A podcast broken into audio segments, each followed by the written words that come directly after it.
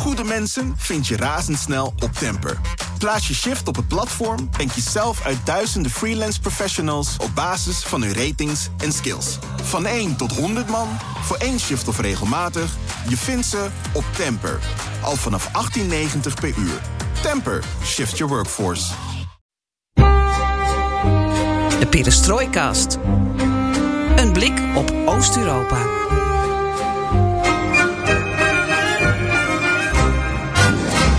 Welkom bij BNR Perestrooikast, aflevering 99 alweer van de enige podcast van Nederland die volledig oog voor het oosten heeft en geeft.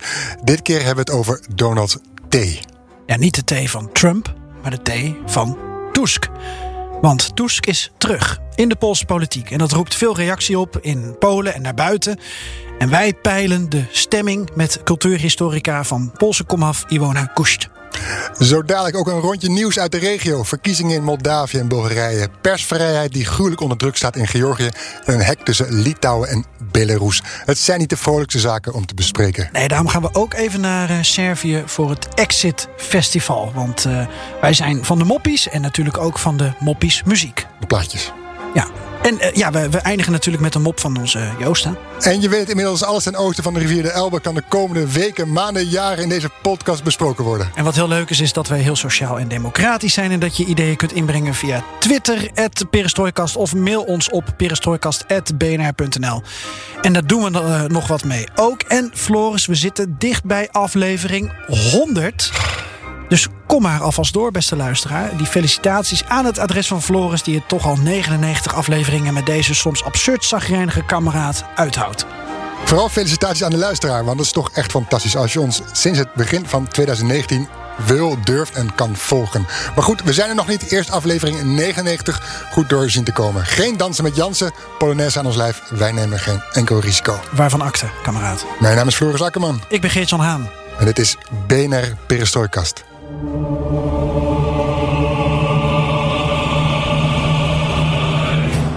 Mijn waarde Floris, heb je zin in een feestje? Uh, Geert-Jan, als ik jouw plaatjes zie draaien, dan, uh, ja, dan krijg ik vanzelf wel zin. Kom maar door met ja, je... Daar komt hij, hè? Wieke, wieke, wieke, wieke.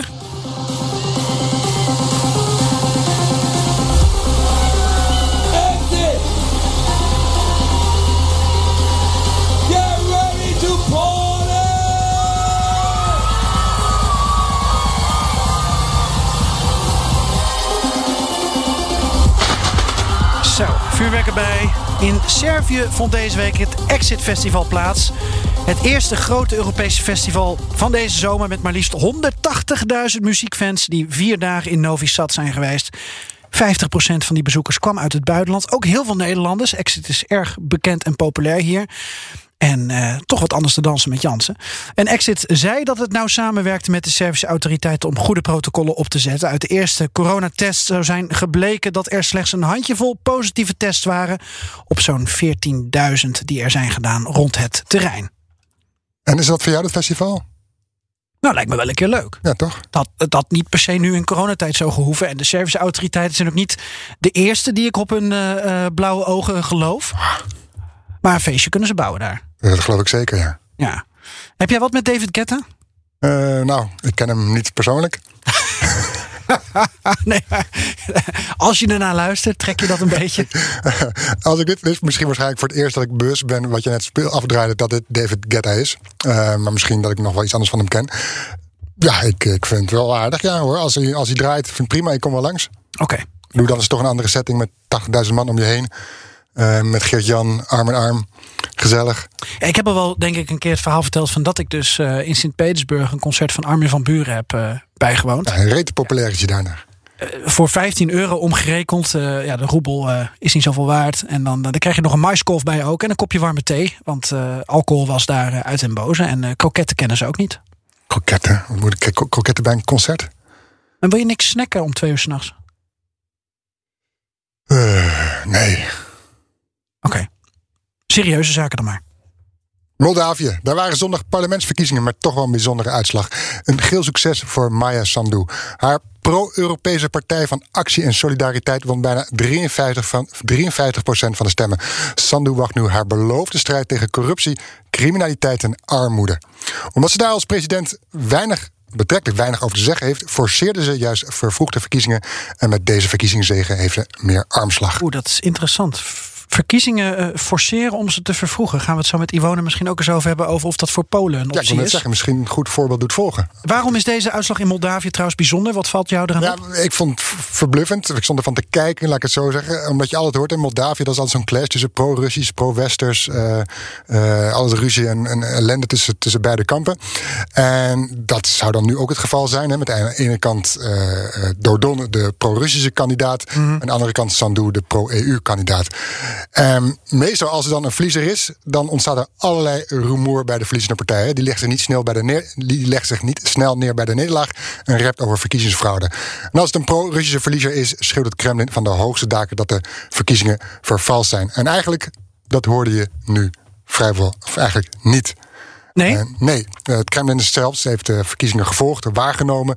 En die geven toe, of zeggen, erkennen de, gewoon dat de verkiezingen eerlijk zijn verlopen. Dus geen uh, moddersmijterij uh, na afloop, geen boze brieven naar, naar, naar Brussel, geen, geen verwijten over en weer. Um, waarschijnlijk heeft het misschien wat te maken dat de Russen ook wel zien van ja, uh, ze zijn de grip op Moldavië al deels kwijt. Hè, toen ja. Sandu al president werd, zij volgde Dodon op. En ja, Dodon, hun man, die ze, eigenlijk de man die ze steunen, die ook kind, nou, niet kind aan huis bij Poetin was, maar in ieder geval het Kremlin wist te vinden. Ja, hadden ze ook geen echt sterke kandidaat. Hè. Zijn socialistische partij kwam niet verder dan 70% van de stemmen. En ik heb altijd het idee, ik weet niet hoe jij dat ziet, Geert-Jan, maar Moldavië, dat is toch wat mak moeilijker te beïnvloeden dan uh, Oekraïne of Belarus vanuit ja, Moskou. Ligt... Transnistrië is er natuurlijk wel gebeurd, maar. Ja, het ligt niet direct aan, aan Rusland. Dat maakt het alweer wat, uh, wat, wat, ja. wat, wat verder weg. En natuurlijk, Transnistrië is natuurlijk een, een, een interessant uh, voor Rusland, een interessante stok om eventueel mee te slaan. Maar ook daar, toen ik daar een keer was, is ook de EU drijft handel met bedrijven daar. Met onder, ja, iets dat Rusland ook wel goedkeurt en toelaat staan. Ja. Uh, dus ja, Rusland is misschien bij Moldavië wat minder uh, snel op de kast te jagen dan bij andere landen. Nou, we hebben um, eerder ook al vrij uitgebreid aandacht besteed aan uh, het politieke klimaat in Moldavië, aan de presidentsverkiezingen toen. toen Sandu die won. aflevering 73, de andere verkiezingen en aflevering geschudde kaarten in Moldavië en op de Caucasus. En uh, vriend van de show, Michiel Driebergen, die was toen in Moldavië. Uh, toen sprak je hem vanuit Mhm. mm -hmm. daar. En toen zei hij, ja, uh, ook al is Dodon jarenlang president geweest... en is hij dus pro-Russisch... toch was dit de afgelopen jaren al het sentiment. Moldavië is de afgelopen vier jaar toch wel richting de EU gegaan. Hè? De hele markt is vanuit Rusland richting de EU geschoven. Ondanks dat daar een president zat, Dodon... die vooral naar het Kremlin op bezoek ging... Hè? Die, die, daar, uh, mm -hmm. die Poetin eigenlijk als een soort vriend zag... Ja, maar toch is Moldavië dus al wat langer naar het westen opgeschoven. Luister ja. dat hele gesprek dus terug in de BNR-app of via bnr.nl schuine streep perestrooikast.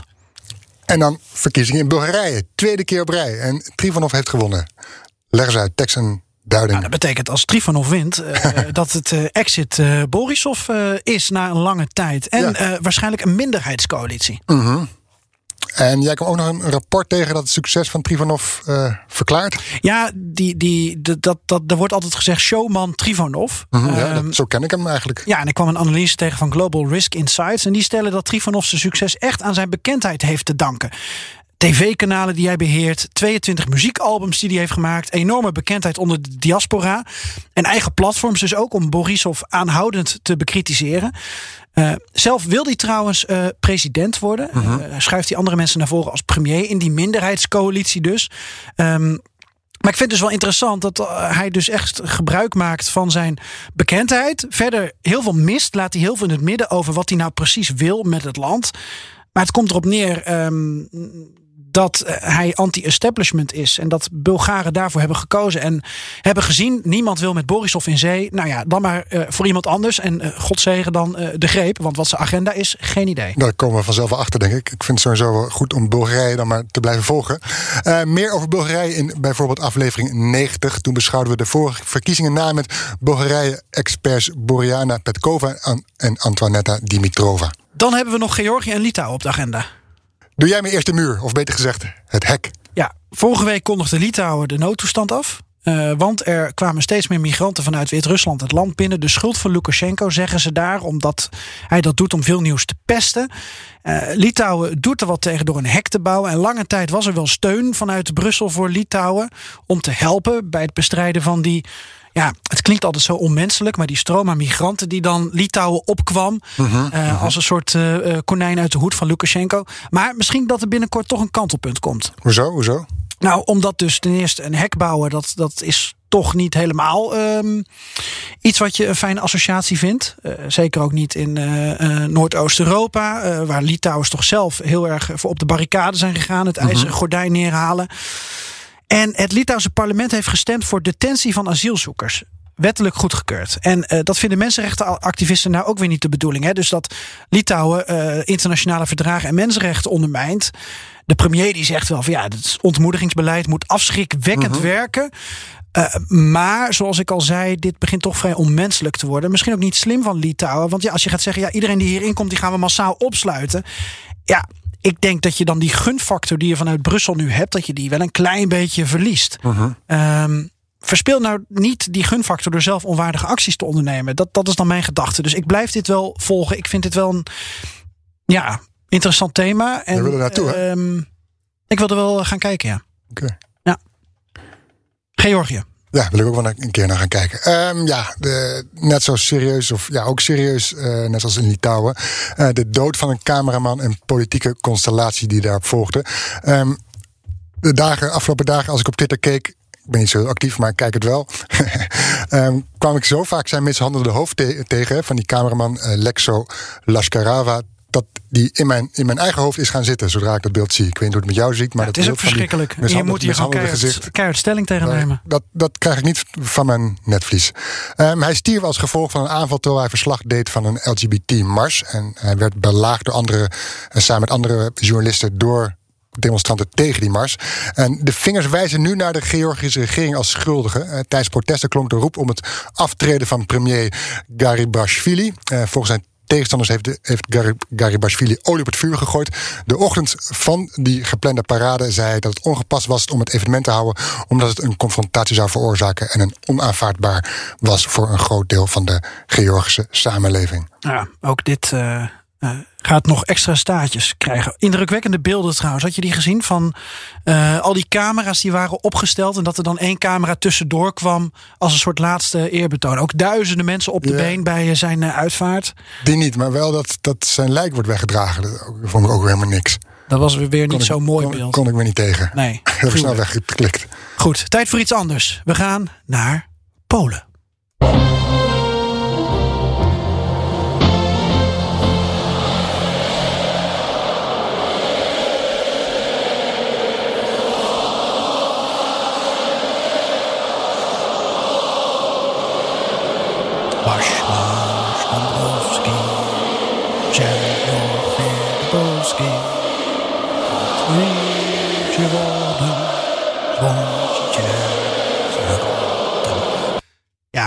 Ja, uit luide borst, ja, prachtig. meegezongen met het volkslied. En dit is dan in een sporthal.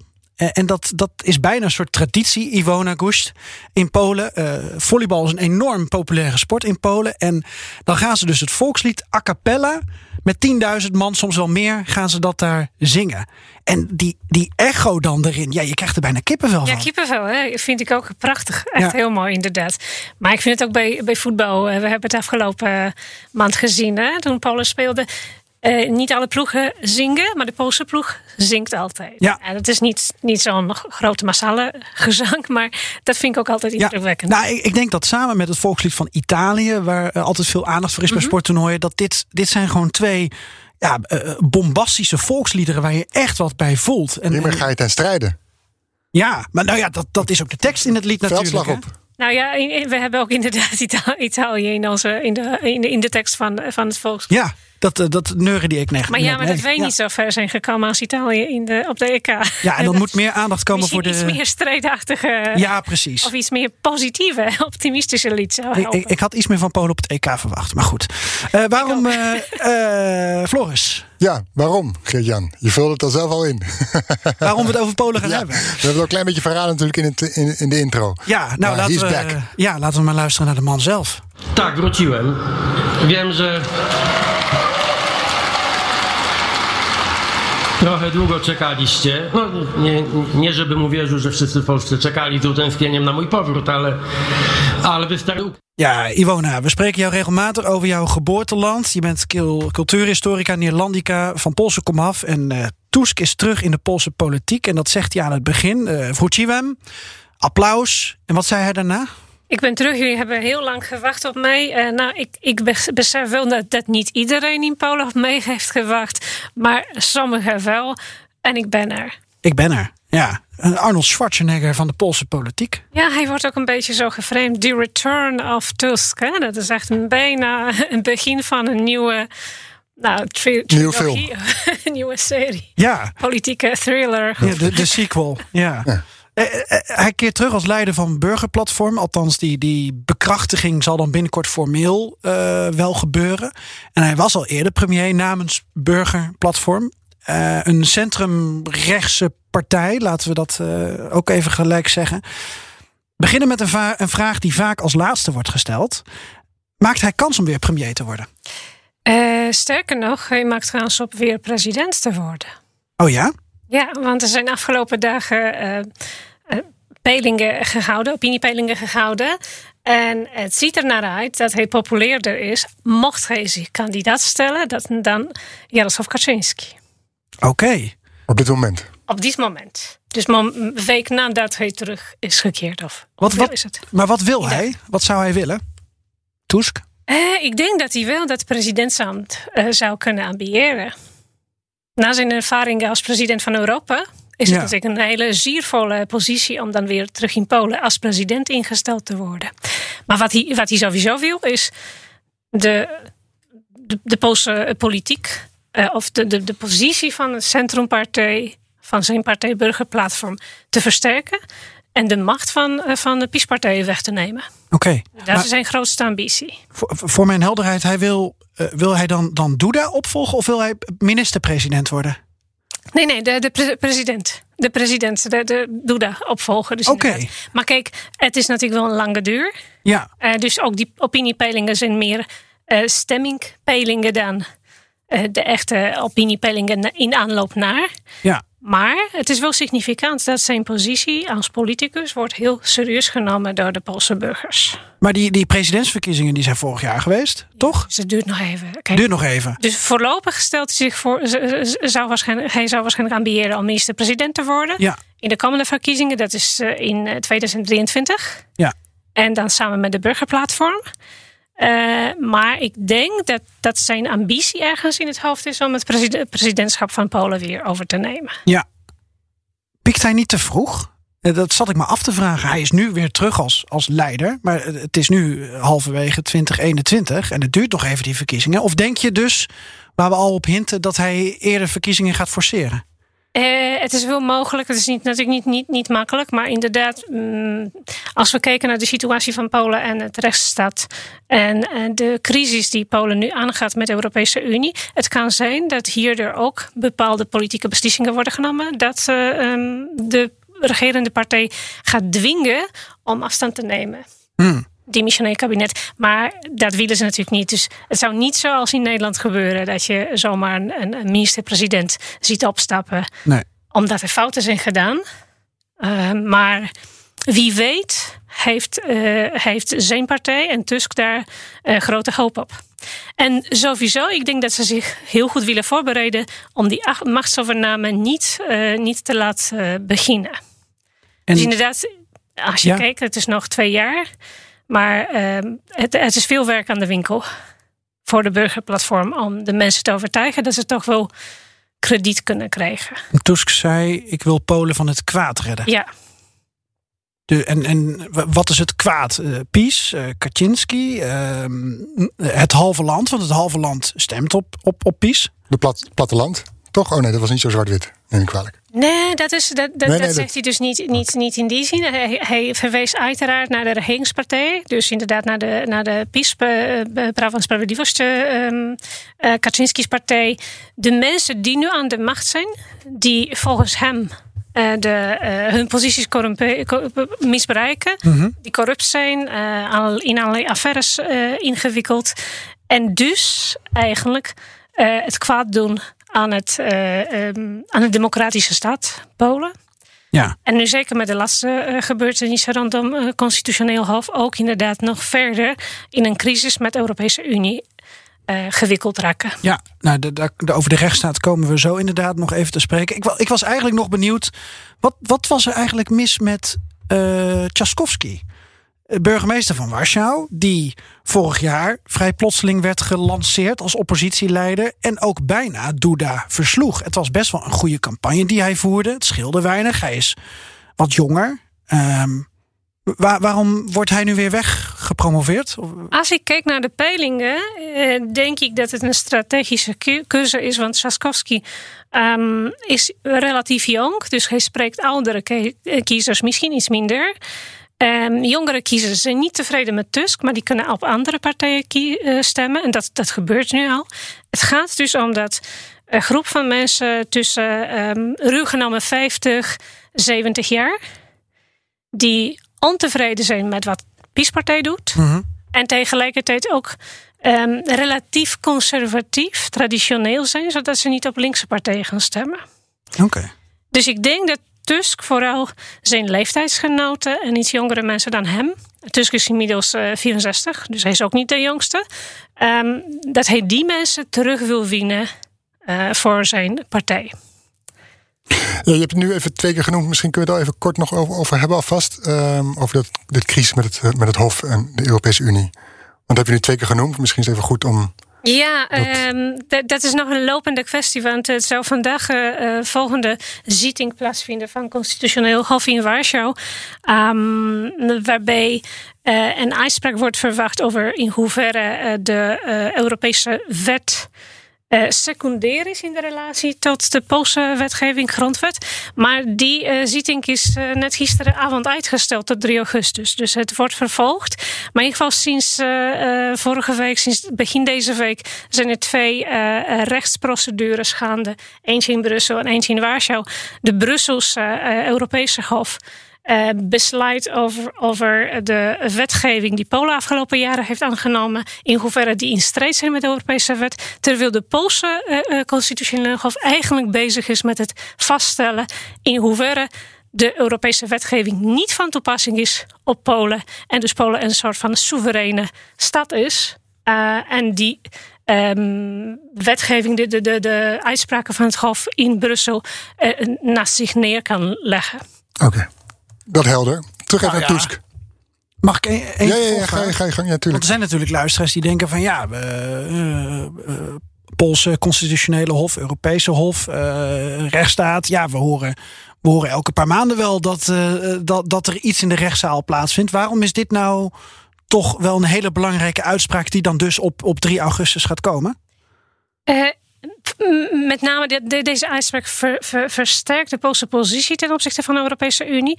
En het kan betekenen dat hiermee Polen uh, zich uh, als een um, staat, lidstaat uh, van de Europese Unie gaat instellen die soeverein wil uh, functioneren. Ja, die dus, dus, die dus de, de Poolse rechtsstaat boven die van de Europese als het ware stelt. Absoluut.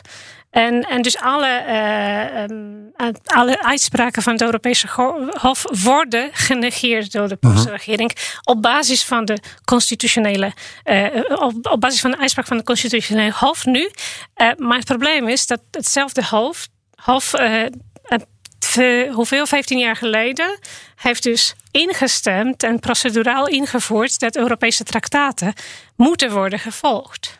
Ah. En die niet in strijd zijn met, met, met Pools grondwet. Ja, snel. Dus eigenlijk dat nieuwe gepolitiseerde hof. En, en er zit ook een andere bezwaren uh, tegen, want de zittingen worden nu door vijf rechters um, besproken, behandeld, terwijl het hele half 15 leden telt. Dus dat is niet eens een, een derde van de, van, de, van de leden. En het wordt gesuggereerd dat dit de politieke keuze is om inderdaad bepaalde politieke uitspraken te Mhm. forceren. Ja. En dat zou betekenen, dat zeggen de commentatoren, dat Polen richting Polexit gaat. Mhm. Tenminste, de koers wijst erop. Dus het hangt af van de, wat de Europese Unie hiermee gaat Nou, doen. Ja, eh, jij bent onze commentator. Eh, de- de- de- Nou ja, we, we, we gaan het weer over Tusk hebben. Maar ik, ik, ik denk dat, dat Kaczynski alleen maar zou aansturen op een poll-exit. Om als hij denkt van nou, ik, ik kan niet meer langer aan de macht blijven. En dit doe ik even om Tusk eh, dwars te zitten. Maar anders, net als met Hongarije, je- het, het, het belang eh, zie je er anders niet in. Nee, het klopt inderdaad. Dus het is meer zo dat.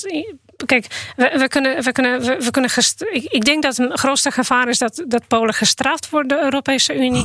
Met bepaalde beperkingen, Ja, sancties. sancties, ja. Eh, maar het politieke klimaat voedt inderdaad een anti-Europese sentiment, zou je kunnen zeggen. En dat sentiment bouwt Kaczynski uit, terwijl Tusk juist een hele euro-enthousiaste politicus is. En ik denk dat we dit juist heel strak, eh, straks heel sterk gaan zien in zijn campagne. Je krijgt twee duidelijke kanten eh, Ja. tegen elkaar op, ja, op zijn minst. Heftiger kan niet, denk ik. Ja.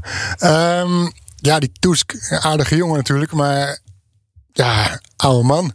Zijn tijd niet geweest? Ja. Is zijn tijd niet geweest eigenlijk? Of heeft hij, is, is hij nog in staat om, om inderdaad, nou ja, je hebt het al een beetje gezegd, eh, glorieus terug te keren? Kijk, of leeft dat sentiment van ja, oude man? eh, Ik denk dat hij, dat hij wel de kans maakte. A- Als ik naar die eerste peilingen keek, dan zie ik wel dat, dat hij wel echt de hoop weer eh, opwekt bij Poolse eh, burgers.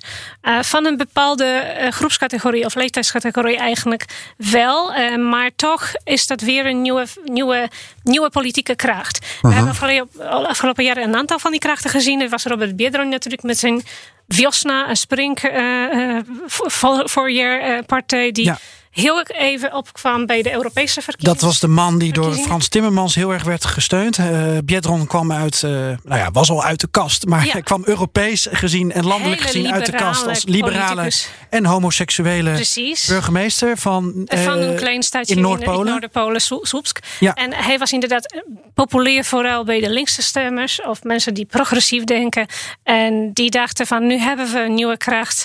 Nou, laten we kijken. Maar toen eh, he- he- heeft PIS-partij weer goed eh, gescoord bij de Europese verkiezingen. Was die hoop weer gezakt. Daarna, vorig jaar hadden we Ja. die je even noemde. Ja. Eh, die was ook een grote hoop voor, voor mensen die progressief willen stemmen. Of in ieder geval die niet voor, op, op PiS willen stemmen. En nu is dat Tusk. Maar ik denk dat Tusk heeft ook wel duidelijk aangegeven dat hij niet alleen wil regeren. En dat hij niet een één-partij-regering wil, wil vormen. Hij staat open voor samenwerkingen. Ook met Hołownia, een andere man die afgelopen Ja. jaren opkwam. Heel populair op sociale media. Ja. En een katholieke jongen. Katholieke, Ja. maar wel met een progressief kantje. Ja, Dus progressieve katholiek. Interessant. Ja. nou ja, hij spreekt dus inderdaad die katholieken die dus niet, eh, zich niet terug kunnen vinden, niet, niet kunnen vinden in het verhaal van, van conservatieve. Bijna denk aan Corpus Christi eigenlijk. Hè? Maar, eh, maar goed, ander verhaal.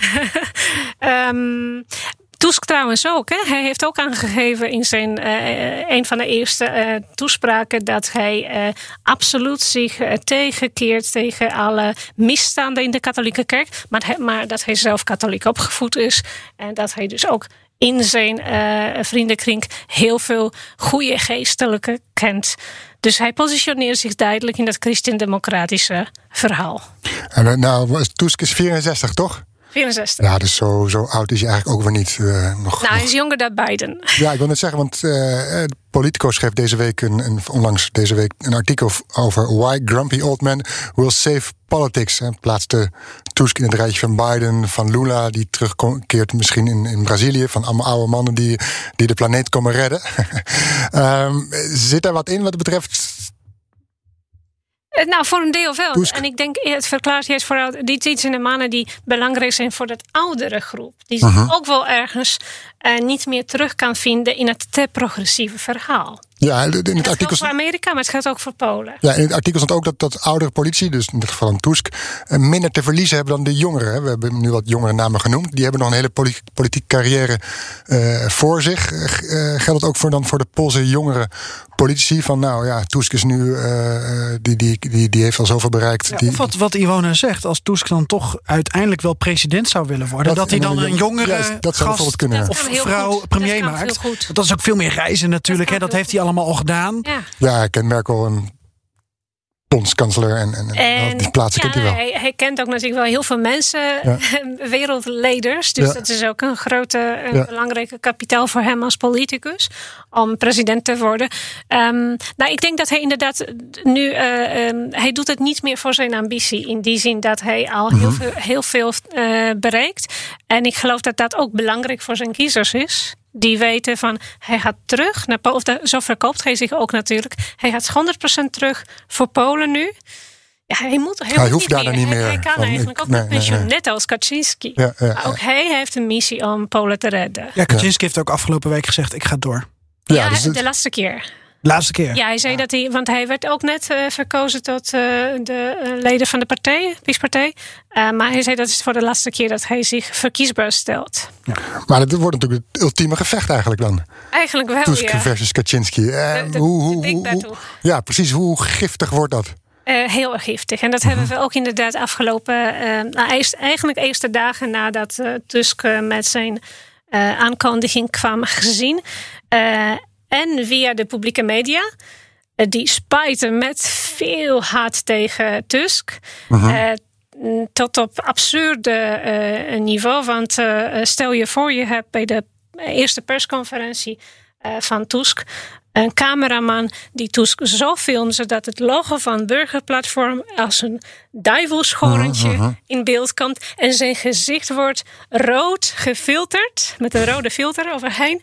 Het is een duivelse politicus die terugkeert. Dat wow. is de boodschap. Heel subtiel is het niet, hè? Nee. En daarnaast, uh, um, er was een artikel uh, um, die geteld heeft dat bij de um, gemiddeld 40 keer valt een naam Tusk op de journaal, 8 uur journaal in, op de Poolse televisie. -huh. En niet in een vriendelijke context. En, en, en dus het is een soort van Tusk-obsessie -huh. bij de publieke media, wat ook uh, tegelijkertijd denk ik bewees dat uh, de regerende partij uh, hem als een serieuze kandidaat of een tegenkandidaat ziet. Nou, dat worden nog twee jaar ja, met, met weinig, weinig tv kijken. En, en, en hoe, niet van oud. hoe verdedigt Tusk zich daartegen? Um, hij is inmiddels in dit, inderdaad heeft een, een dikke huid gekregen, omdat dat voor hem niets nieuw is. Als, minister, als Europese uh, president werd hij ook regelmatig uh, in slecht daglicht gesteld. Dus hij heeft gevatte antwoorden elke keer op persconferenties. Hij pakt de journalisten op uh, nieperige, genieperige vragen. Mm, maar natuurlijk, dat wordt ook weer gekniept in de publieke zender. Dus die strijd gaat door. En gelukkig hebben we nog sociale media en andere media die nog vrij zijn. Maar dat kan ook veranderen. Want er is ook weer een nieuwe wetgeving in de maak in Polen. Uh -huh. Die Amerikaanse invloeden of buitenlandse invloeden in de media wil beperken. Ja, we hebben dus al vaak gezegd over Polen. We hebben hier net zo ook over gesproken, over die verdeeldheid tussen allerlei bevolkingsgroepen. Een stad, platteland, rijk, arm, noem het maar, maar op. Um, uh, conservatieve op, opvattingen onder mensen, onder Polen, die we Kaczynski en PiS uh, steunen. Um, dat is een sterk, sterke achterban, is dat. Um, verkiezingen die smerig zijn verlopen. De verkiezingen die komen er nu over twee jaar aan. Hoe kan Tusk ja, het land achter zich krijgen, of de mensen achter zich krijgen, en misschien ook wel een beetje herenigen? Ja, dit is een lastige. Want uh, ook ik ben sceptisch als ik kijk naar de eerste, uh, eerste uitspraken van hem. Inderdaad, dat, dat benadrukken dat, het, uh, dat, dat hij het kwaad gaat bevechten. Het is een oorlogstaal. -huh. En aan de ene kant kan het de politieke um, debat nog verslechteren of nog meer polariseren. Um, tegelijkertijd, ja, ik denk dat er weer meer verzoeningstaal nodig is om met elkaar een, een coalitie te vormen. Dus misschien dat als Tusk met andere partijen gaat samenwerken, ja. dat dit gaat helpen. -huh. ja, en dat het niet een, alleen maar een anti-PiS uh, verhaal wordt, want ook dat is geen sterke, sterke politieke uh, strategie. Ja, over die andere partijen, de oppositie in zijn totaliteit, die zitten op Tusk te wachten. Uh, ja en nee. Uh, ik denk, uh, wat, ik wat ik hoorde van de linkse kant is dat ze daar helemaal niet zoveel boodschap aan hebben. -huh. Dus wordt gezien inderdaad als een dinosaurus. Iemand die al zijn rol heeft gespeeld. En sowieso burgerplatform wordt gezien als een partij die, niet, die, die geen, geen kans meer maakt. Want afgelopen jaren hebben ze niet echt bewezen dat ze nog een grote, uh, grote steun uh, in de Poolse bevolking hebben. Afgezien van Trzaskowski natuurlijk, maar dat is een beetje een ander verhaal. Ehm, Maar goed, nu liggen de kaarten natuurlijk anders. maar nu, een- ja, dus, dus het is nog spannend. Het, gaat, het, het kan, kan spannend worden. Ik denk dat de, de, de mm, partij van Gewovnia wellicht een beetje geschrokken is. Want opeens na de terugkeer van Tusk hebben zij weer in de peilingen hun eh, ehm, positie verloren. Otwiera się brama, ja nie wierzę oczom Czy jednak się rzeczy inaczej potoczą. Podbiegam, twoje karki krzyczą Stój, bo twój ból jest lepszy niż mój. Twój ból jest lepszy niż mój. Ja, de coronapandemie in Polen en de aanpak daarvan. Eh, laten we het daarover hebben, want dit nummer is van Kazik Staszewski. ehm, die een protestlied maakte tegen Kaczynski in verband met zijn corona-aanpak. Nou, dat werd deze artiest dan weer niet door Kaczynski in dank afgenomen. Wat zong hij nou ook alweer? Uh, Twój bol jest lepsze niż mooi. Ja, eh, jouw pijn is, is beter dan mijn pijn. ja. En dat slaat op één incident, eh, namelijk bij de herdenking van Smolensk-catastrofe. Ehm Smolensk-ramp, die vliegtuigen. Ja, waar- 2010. waarbij de broer van eh, Kaczynski om het leven kwam. Ehm, toen was dat, dat is niet dit jaar, maar vorig jaar nog. Dus de, de, in de ergste eh, eerste pandemie-lockdown. niemand mocht naar de kerkhoven. Niemand mocht de kerkhoven betreden om een bloemetje te leggen. Dat is in Polen heel gebruikelijk.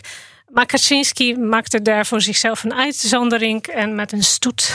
Dus Ja. ook nog niet stiekem, maar zelfs met een stoet en televisiecamera's erbij ging hij een bloemetje leggen. Uh, en vandaar dat Kazik uh, zong: uh, Jouw pijn, Ja. jouw belevenis is beter, belangrijker dan die van ons allemaal eigenlijk. Ja. En deze week uit Tusk, die weer terug is, dus kritiek op Kaczynski en PiS, ook vanwege die corona-aanpak. Uh, hij zegt: PiS is niet schuldig aan de pandemie, maar PiS is wel schuldig aan het niet serieus nemen ervan. Um, aan het gebrek aan maatregelen.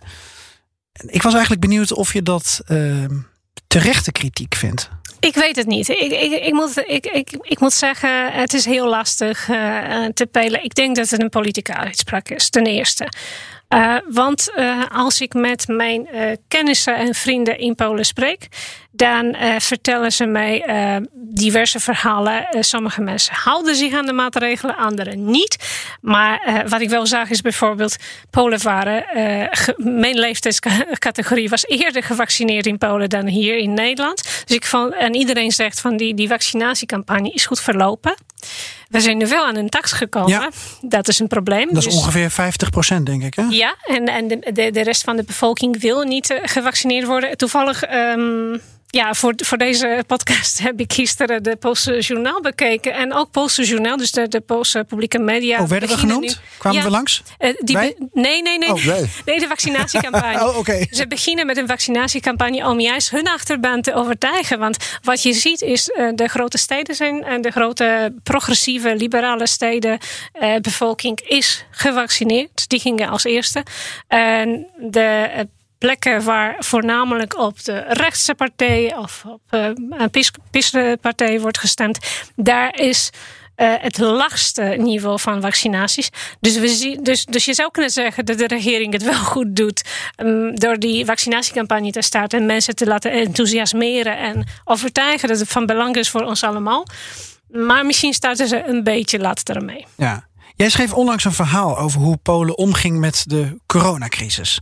En in onze show notes zullen we dan ook eh, de link eh, zetten. Het staat op het eh, platform tweedewereldoorlog.nl. Allerlei bijzondere oorlogsverhalen, relatie tot de coronatijd. Ja, dat is een digitale tijdschrift van, uh, die wordt uitgegeven door Nationaal 5, 4 en 5 mei-comité, onder andere. Ja, en jij schreef, uh, Poolse burgers reageerden toch wezenlijk anders op vrijheidsbeperkende overheidsmaatregelen dan Nederlanders deden. En je legt ook uit dat dat niet zo heel vreemd is, omdat uh, de gevoelens van vrijheid en interpretatie daarvan, dat die, dat, dat, dat die anders worden opgevat. Ook door um, met name de tijd uh, begin jaren tachtig, staat van beleg. -huh. uh, wat gebeurt er met, met, met, met het communisme? Wat gebeurt er met het juk waar Polen onder leeft? Maar toen vroeg ik me af, die maatregelen, maatregelen die de regering um, nu neemt. Hè? Dus uh. Kaczynski zeg ik toch maar even voor het gemak. Zijn regering, Morawiecki. Ehm, hadden de Poolse burgers daar anders op gereageerd als, als Tusk ze had genomen? Want als jij dus schrijft dat, dat historisch gezien Polen het lastig vinden om in hun vrijheid beperkt te worden, dan vraag ik me af of, of Tusk, ja, die, die heeft ook die tijd meegemaakt. Nee, ik, denk- ik denk niet dat, eh, dat als Tusk eh, de avondklok zou ingevoerd hebben, dan zouden de Polen dat ook, gek waarderen. Nee, ik denk dat dat, dat te sterk zou zijn. Maar wat je met deze regering zag, dat ze echt eh, ehm, van standpunt veranderen.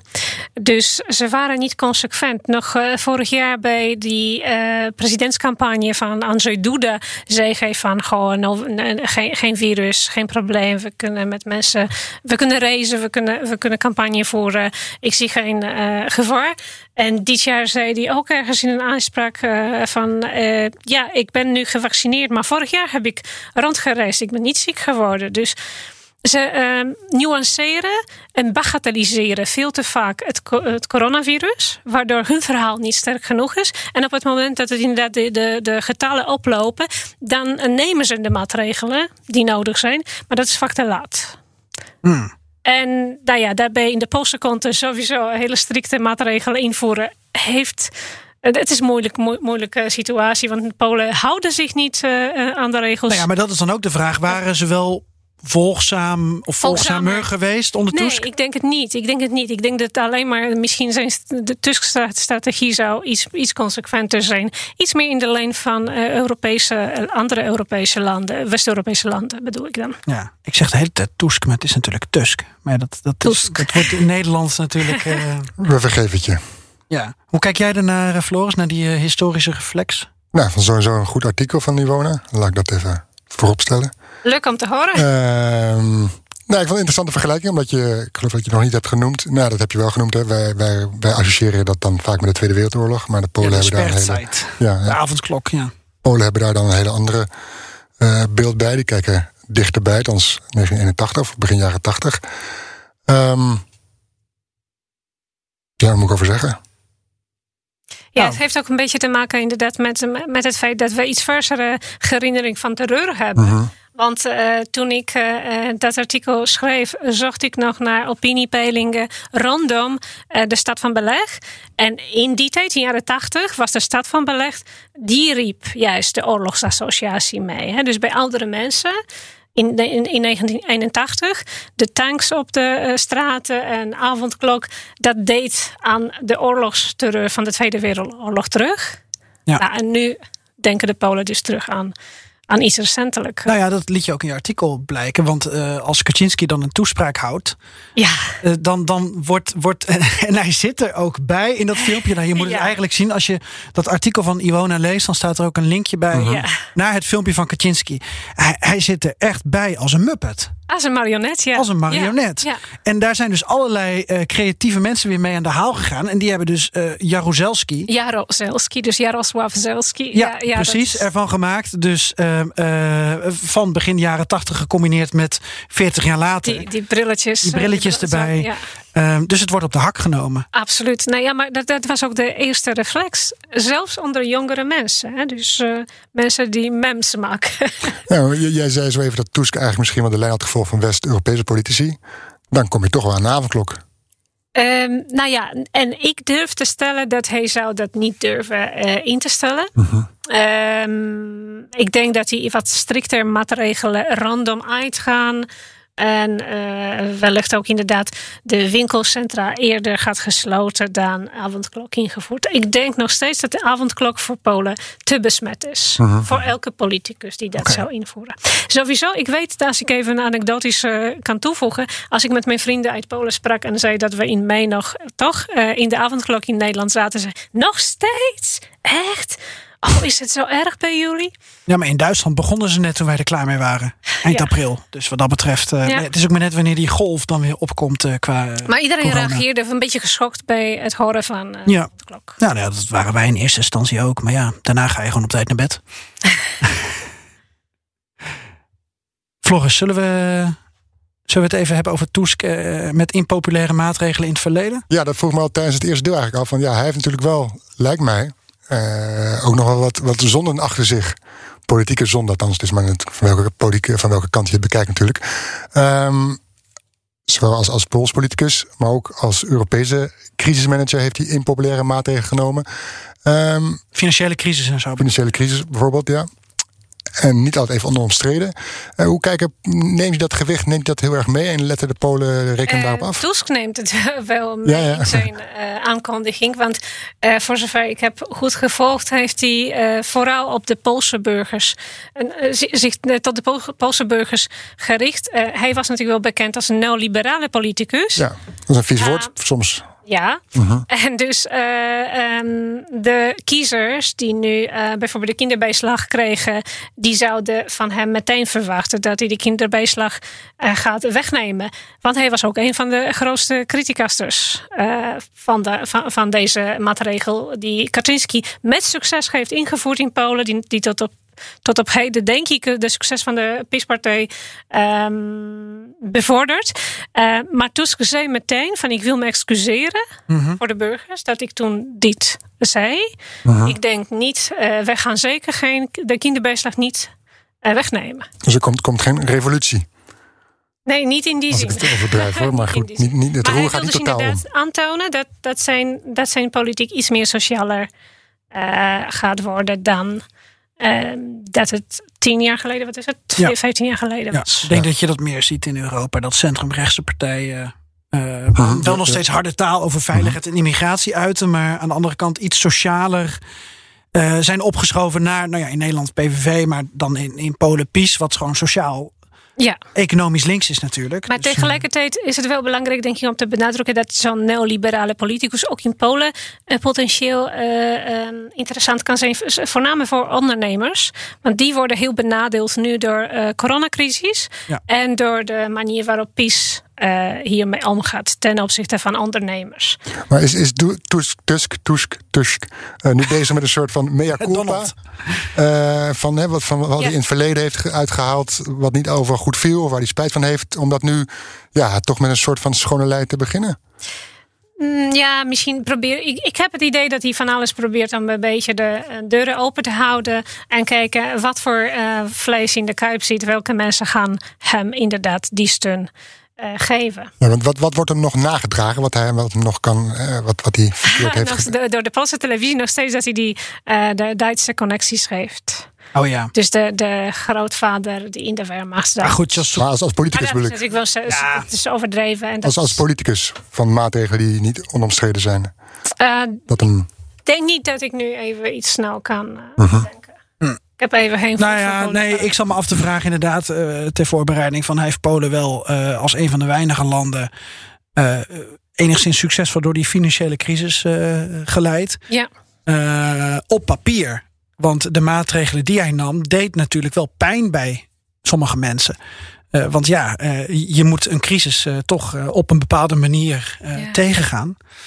Eh, maar goed, wel, wel interessant nog over de, de- die Duitse connectie van Tusk. Want je zag natuurlijk ook bij Tchaikovsky bij de presidentsverkiezingen. Tchaikovsky was een, eh, een, een, een, een fan van de Russen, een fan van de Duitsers en een fan van de Joden. En zo wordt het dan gelijk geframed op, eh, op staatstv. En, eh, En dus vijand van de Poolse. en vijand van, van de, de, de Poolse patriotische. ja. Ja.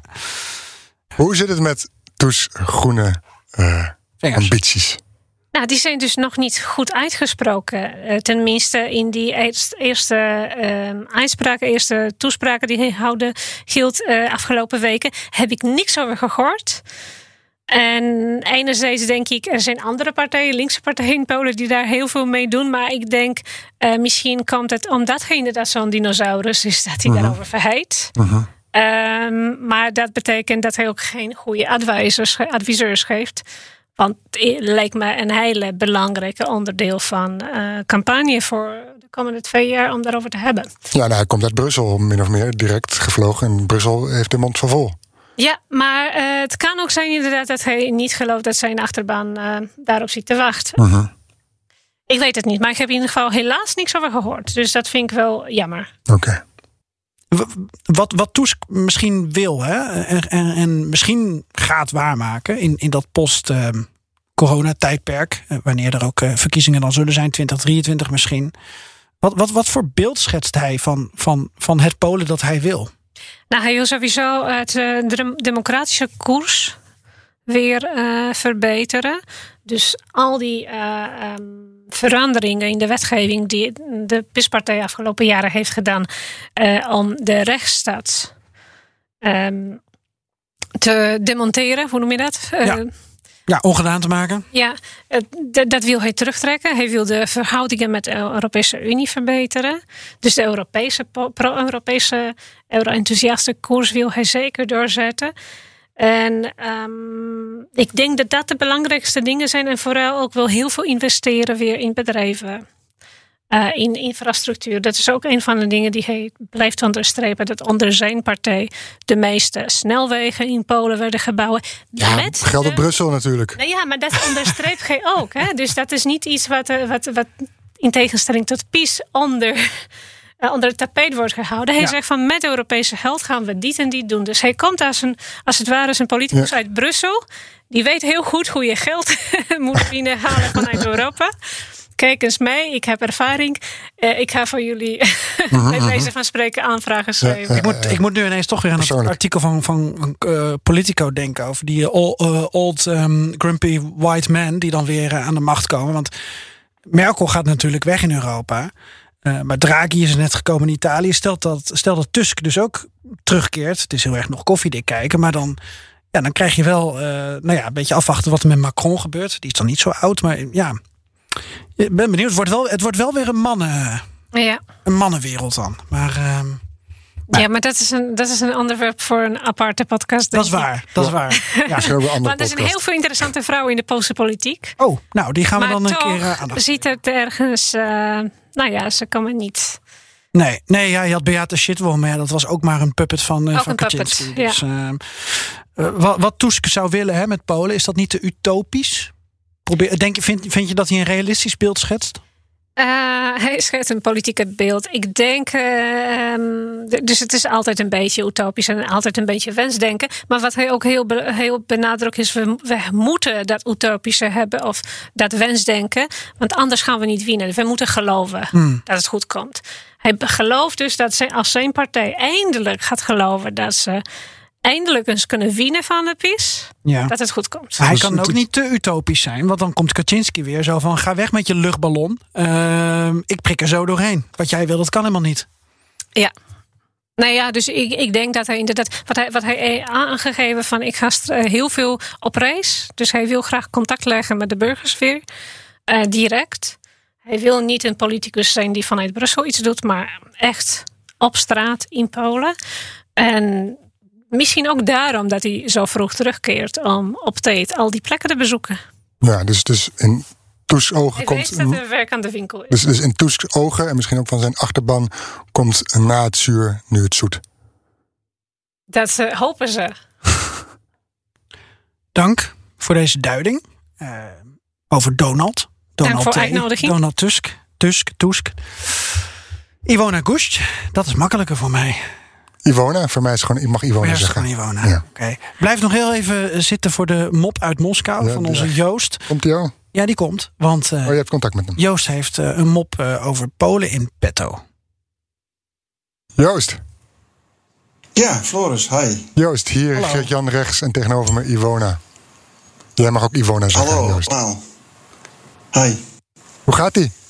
Dag, dag allemaal. Ja, wel goed hoor. Ik, eh, het is hier warm, was hier warm. Het begint nu een beetje heel donker te worden. We krijgen onweer, denk ik. Maar voor de rest, eh, We. alles wel oké. Ja hoor. Oké. Mooi zo, mooi Nou, zo. hartstikke leuk. Eh, boeit me eigenlijk helemaal niks, want ik wil gewoon een mop horen. Ja, oké. Maar het gaat over COVID, hè, bij jullie, of niet? Ja, Polen, over Polen. Polen. Over vaccineren? Of... Sorry? Het ging over Polen. Oh, alleen over Polen. Ik dacht over corona. Ja, dat mag ook. Nou, ik heb geen, ik heb geen, eh, geen, geen mop over corona. Of eh, geen eh, mop over Polen.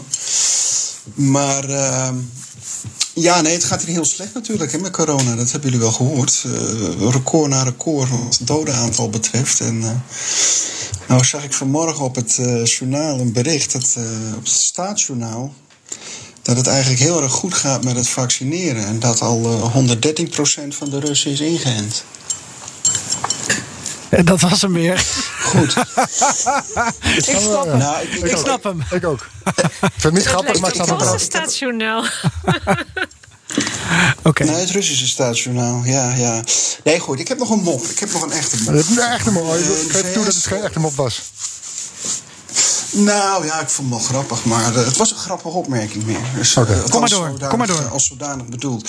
Nou, wat is het verschil tussen de VS en Rusland? In de VS hebben Barack Obama en Bill Clinton, de voormalig presidenten, zich laten vaccineren tegen COVID-19. Om de Amerikanen te overtuigen van de veiligheid van het vaccin. En in Rusland heeft Vladimir Poetin eerst miljoenen Russen laten infecteren, eh, in- injecteren met Sputnik V. om zichzelf te overtuigen van die veiligheid. Ja, ja. Ik lag een beetje, ja, omdat, omdat het moet. Maar ehm, ik ga terugluisteren, Joost. Jij snapte hem, Iwona? Stel nog eens een mop. Dan mag jij het eh, vaker Kijk hier. naar luisteren. Snapte jij Ik het snap het Floris? volgens mij ook wel. Nou, nu begin ik aan mezelf te twijfelen. Maar je lacht Snap ik wel. helemaal niet. Nee, ik vind het niet zo grappig. Nee, oké. ja. Het Kan er is lachen door Nee, jullie- natuurlijk. Dat jullie allemaal. eh, Dat, je- dat is een beetje cynisch. Maar eh, ja, dat jullie Ja. niet begrijpen, dat, eh, dat ben ik al langer. Hé, hé, hé, dat hebben we niet gezegd. Je verdraait je woorden, onze woorden weer. Nou, Iwona begrepen. Dankjewel, Joost. Vanuit Moskou, Joost Bosman, onze moptapper. Dankjewel, Iwona Goest. Floris. Bedankt, hè. Pakka. Bedankt Geert-Jan, bedankt Ivona. Davidzenia. Ayato. Pakka. Goede mensen vind je razendsnel op Temper. Plaats je shift op het platform en kies zelf uit duizenden freelance professionals op basis van hun ratings en skills. Van 1 tot 100 man, voor één shift of regelmatig, je vindt ze op Temper. Al vanaf 18,90 per uur. Temper, shift your workforce.